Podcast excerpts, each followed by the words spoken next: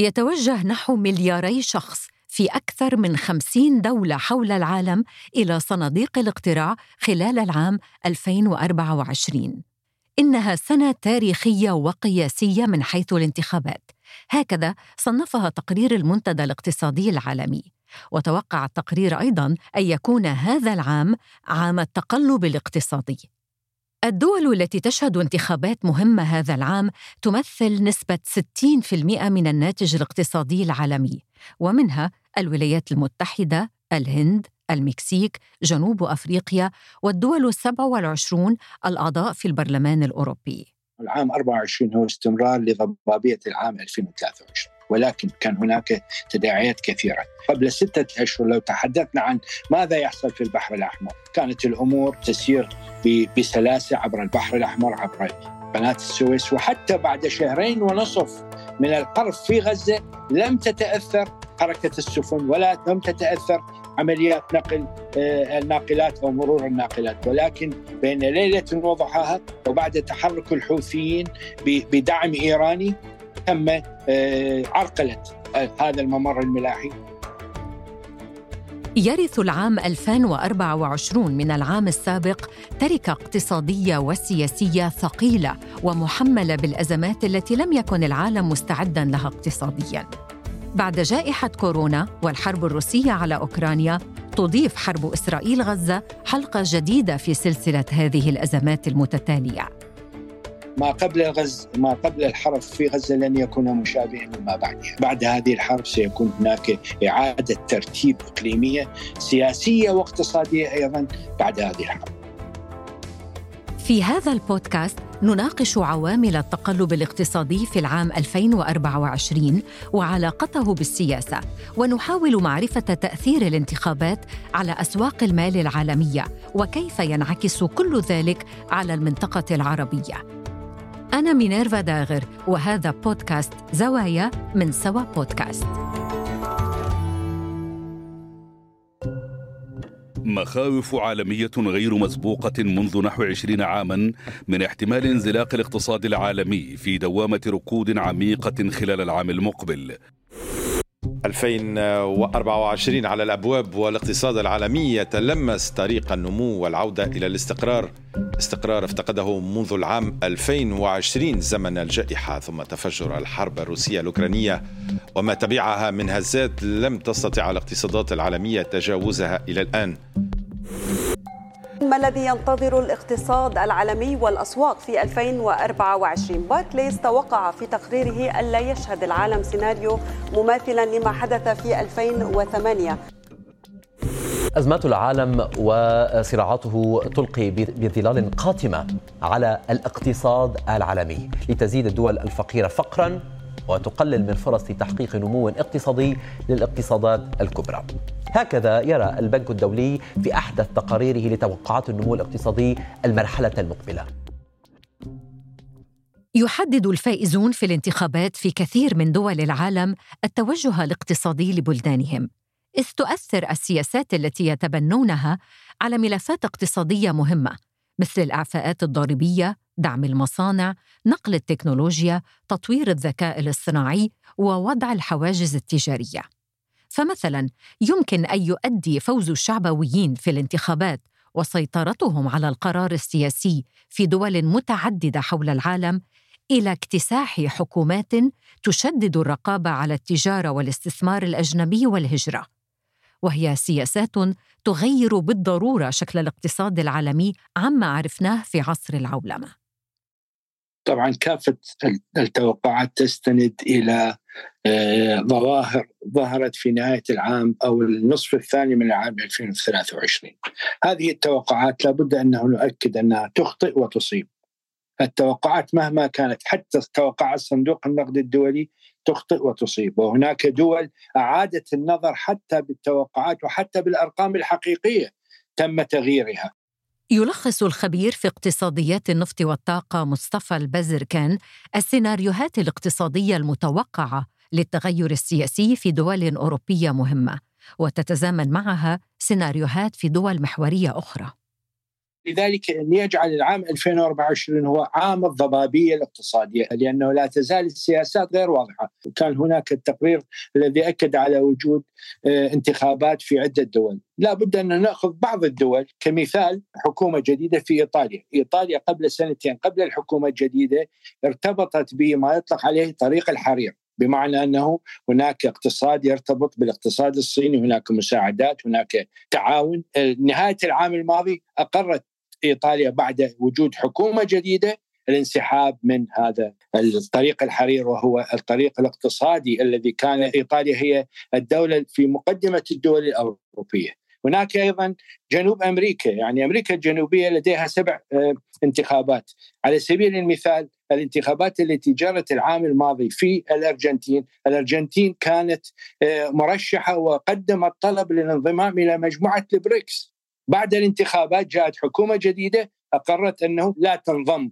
الأرجنتين إلى مجموعة البريكس، هذه مجموعة اقتصادية دولية ممكن كانت تؤثر على اقتصاد الأرجنتين وحتى الاقتصادات أمريكا الجنوبية، مثال ثالث هو بريطانيا، بريطانيا عانت الأمرين إن صح التعبير من انسحابها من الاتحاد الأوروبي، كان هناك سياسات متطرفة إن صح التعبير بالعدائية مع الاتحاد الأوروبي، بعد انسحابها أصبحت هناك مشكلة، هناك سياسات بعض السياسات يحاولون تجييرها لصالح الاتحاد الأوروبي من أجل تقليل أو تخفيف تأثير الانسحاب البريطاني من الاتحاد الأوروبي، ولذلك شهدنا تغيير وزارات ثلاث رؤساء وزراء خلال عام.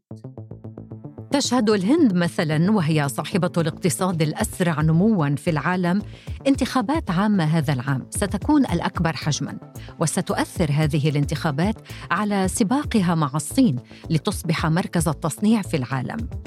وفي المكسيك ستحدد الانتخابات نهج الحكومة في التعامل مع قضايا الطاقة والاستثمار الأجنبي. أما في إندونيسيا فسيحدد الرئيس الجديد سياسات حكومته المتعلقة بالمعادن المهمة مثل النيكل. لا يمكن عزل القرار السياسي عن القرار الاقتصادي. لا يمكن هناك اتخاذ قرار اقتصادي بدون بعد سياسي. وكذلك أيضا ليس قلما ونادرا ما يكون هناك قرار سياسي ليس له بعد اقتصادي وقد لا يكون ظاهرا. أهم الانتخابات هذا العام ستكون الانتخابات الرئاسية في الولايات المتحدة الأمريكية. لم يحسم بعد شكل المنافسة النهائية فيها، ويتوقع لحد الآن أن تكون بين كل من الرئيس الحالي الديمقراطي جو بايدن والمرشح الجمهوري المحتمل الرئيس السابق دونالد ترامب. فكيف تؤثر سياسات كل من الحزبين على الاقتصاد الأمريكي؟ الموضوع اللي هو مين بيتحكم في مين ده تقريبا بيختلف من وقت للتاني. يعني بي مثلا الوقت اللي بيبقى فيه الجمهوريين يختلف عن الوقت اللي فيه الديمقراطيين. إحنا بنتكلم مثلا الديمقراطيين هم أصحاب السياسة هم أصحاب الدبلوماسية هم أصحاب النفس الطويل. الجمهوريين هم بالفعل أصحاب نقدر نقول عليها العنفوان في اتخاذ القرار أو هم أصحاب بالفعل النهارده السرعة في اتخاذ القرار. عشان كده تيجي تلاقي معظم الحروب كلها موجودة في عصر الجمهوريين وليس في عصر الديمقراطيين. الدكتور وائل نحاس الخبير في السياسات الاقتصادية وأسواق المال. الاقتصاد بالفعل بيكون لعبة في ايدين الجمهوريين. تمام؟ عشان كده بنيجي نلاقي الفترات اللي بيبقى فيها بالفعل الجمهوريين نيجي نلاقي عنفوان في أسعار برميل البترول عنفوان في أسعار الذهب في البورصات العالمية بالكامل وكل ما هو بالفعل سعر الفائده وما شابه ذلك تقريبا بيبقى مغري جدا بالنسبة للجمهوريين تكون فايدة ضئيلة. تمام؟ وحتى الضرائب بتاعتها تكون ضرائب ضئيلة جدا. تمام؟ لأن هم أصحاب رؤوس أموال ضخمة جدا. فبالتالي هو بيبقى فيه لوب كبير جدا. فبيبتدي يستخدم هو أو يلعب بالاقتصاد لحساب السياسة. تمام؟ إنما بالنسبة للديمقراطيين العكس. الديمقراطيين أصحاب النفس الطويل. فدايما الاقتصاد هو اللي بيلعب بإيدهم. عشان كده نيجي نلاقي معظم الأزمات اللي بعد تقريبا ال panic أو crashing من بعد توالي الجمهوريين يبتدي الديمقراطيين ياخدوا الاقتصاديات منهارة أو الاقتصاد النهارده في حالة سيئة أو متوترة أو مشابه ذلك. فليه بيبقى الكلمة العليا النهارده للاقتصاديين اللي هو غالبيتهم بيبقى جمهوريين بس من متبطنين واخد بالك؟ بشكل آخر لأن هم رجال أعمال وليس سياسيين.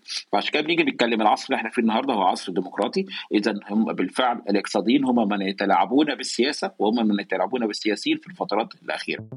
وصف تقرير لشركة إرنست أند يونغ وهي من كبرى شركات المحاسبة العالمية الانتخابات التي سيشهدها العام الجاري وخاصة في الولايات المتحدة والاتحاد الأوروبي بأنها الأكثر أهمية منذ عقود من الزمن في ظل تنافس للآراء حول العلاقات الدولية والسياسة الاقتصادية وتوقع أن يؤثر ذلك على بيئة الأعمال العالمية. منذ كورونا وحتى قبل كورونا ومنذ تصاعد النزاع الأمريكي الصيني الاقتصادي بدأت العولمة تتراجع. وبدأ هناك آه، سياسات لتشكيل مجموعات مجموعات في كل أنحاء العالم سواء أمريكا الجنوبية جنوب شرق آسيا الصين ومن يدور بفلكها وكذلك الاتحاد الأوروبي. هذه جميعها تجمعات أبعدت العالم عن العولمة. وهذه هذا ولذلك شهدنا هذا الانكفاء نحو الداخل. اليوم نمر بمرحلة جديدة. لماذا؟ منذ 15 عاما كان هناك توجه واندفاع غربي أمريكي أوروبي للاستثمار في الصين. وكانت هناك آلاف الشركات سواء الرقائق الإلكترونية لتطوير هذا القطاع. وبالتالي أحس الغرب بخطأ وإن صح التعبير هو خطأ كان خطأ استراتيجي. لماذا؟ هذا الاندفاع وهذه الشركات وأغلقت الشركات في أوروبا وفي الولايات المتحدة. لماذا؟ لأنه كان هناك شركات آه، تكنولوجية متطورة ورخص الأيدي العاملة ورخص الصناعة التكنولوجية وبالتالي كان هناك ثمن دفعه الغرب ودفعته الولايات المتحدة. اليوم ما نقصد اليوم هو منذ أربع سنوات حينما تصاعد تصاعد الخلاف الصيني الأمريكي. قبل جائحة كورونا كان هناك توجه لإعادة توطين هذه هذه الصناعات وبالتالي هذه هذا يجعل أن هناك ثمن يدفع من أجل إعادة توطين هذه الصناعات، كان هناك آه، تقارب كبير بين بريطانيا في زمن كاميرون رئيس الوزراء البريطاني والصين اليوم عادت بريطانيا للتراجع عن خطواتها. هذا يدل على أنه السياسة هي التي تلعب دورا في هذه القرارات المتعلقة اقتصاديا. حتى بريطانيا تراجعت عن استخدام شركات الهواتف النقالة الصينية. لماذا؟ لهناك دوافع أمنية. ولكن هناك دول أخرى حتى في الشرق الأوسط تستخدم التقنية الصينية وأخذت على عاتقها الاعتماد على الصين في هذا المجال لماذا؟ لأن آه، لا, لا, لا يمكن أنه ننفي وننكر أنه هناك تطور تكنولوجي في هذا المجال في الصين وهناك علاقات متطورة سياسية مع الصين تفرض أن هناك علاقات اقتصادية مع الصين خاصة حينما نعلم أنه الاقتصاد الصيني كان مرشح أنه يكون آه، هو الاقتصاد الأول في العالم خلال السنوات الخمسة القادمة.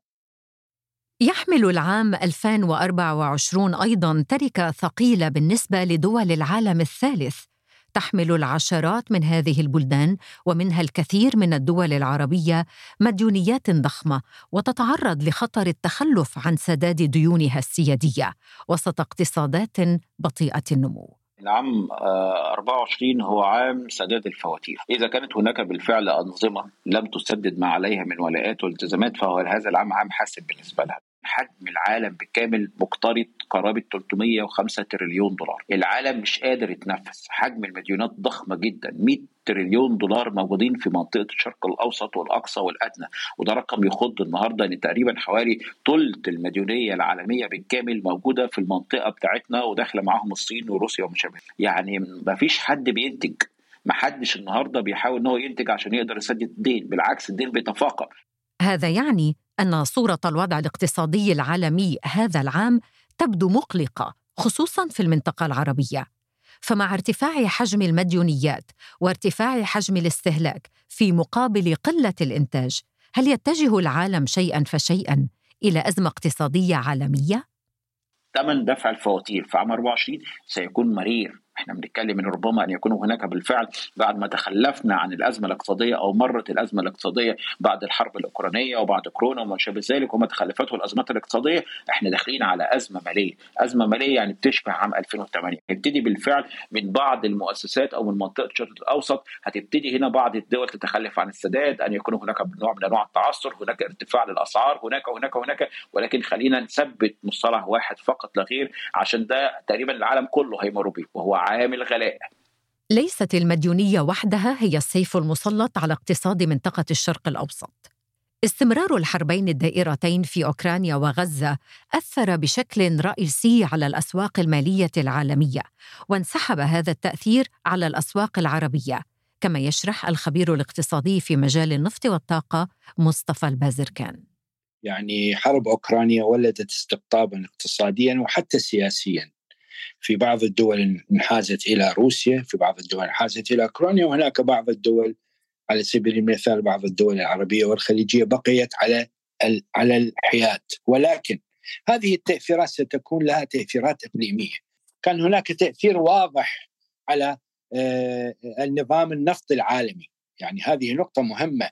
آه، الظروف فرضت على دول الاتحاد الأوروبي الانقطاع عن استخدام النفط والغاز الروسي. النفط والغاز الروسي كان يصل عبر الأنابيب بأسعار متهاوده جدا.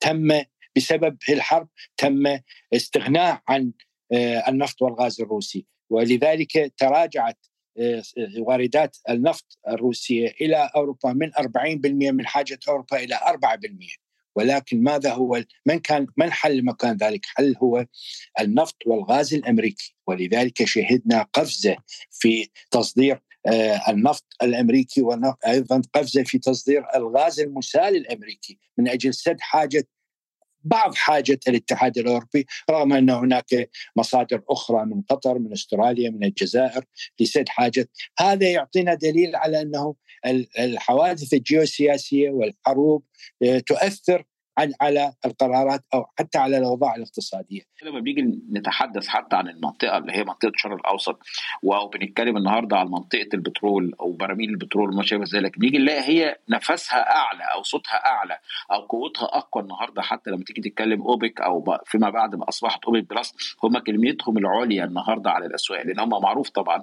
إن برميل البترول هو بيأثر بالفعل في أصوات الناخبين في أوروبا وفي أمريكا وفي العالم بالكامل فبالتالي لابد من نوع من من أنواع الهدنة مع هذه الدول. صوره الاقتصاد العالمي في العام 2024 تبدو ضبابية. بعد جائحة كورونا وما نتج عنها من أزمة في سلاسل الإمداد، غيرت الدول نهجها الاقتصادي لتلبية حاجات السوق بالاعتماد على الإنتاج الوطني، فضعفت العولمة. الآن لا يزال من غير الواضح كيف سيتأثر الاقتصاد العالمي بنتائج انتخابات عديدة ومهمة في العالم خلال العام الجاري. وكيف يتأثر بحالة عدم اليقين الناتجه عن استمرار الحرب في أوكرانيا وغزة وما يستتبعها من اصطفافات سياسية واقتصادية ومن خطر على ممرات النقل البحري في العالم والتجارة الدولية. فهل تؤسس كل هذه الاستحقاقات والتغيرات المحتملة لأنظمة اقتصادية جديدة؟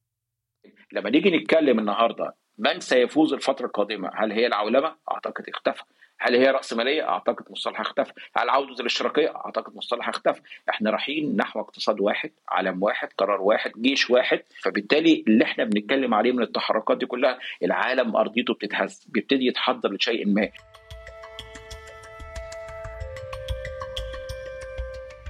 كان هذا بودكاست زوايا من سوا بودكاست وأنا مينيرفا داغر.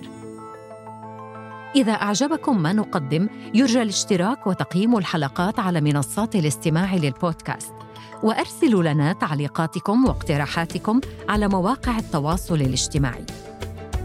نلتقي في قصة جديدة في بودكاست زوايا.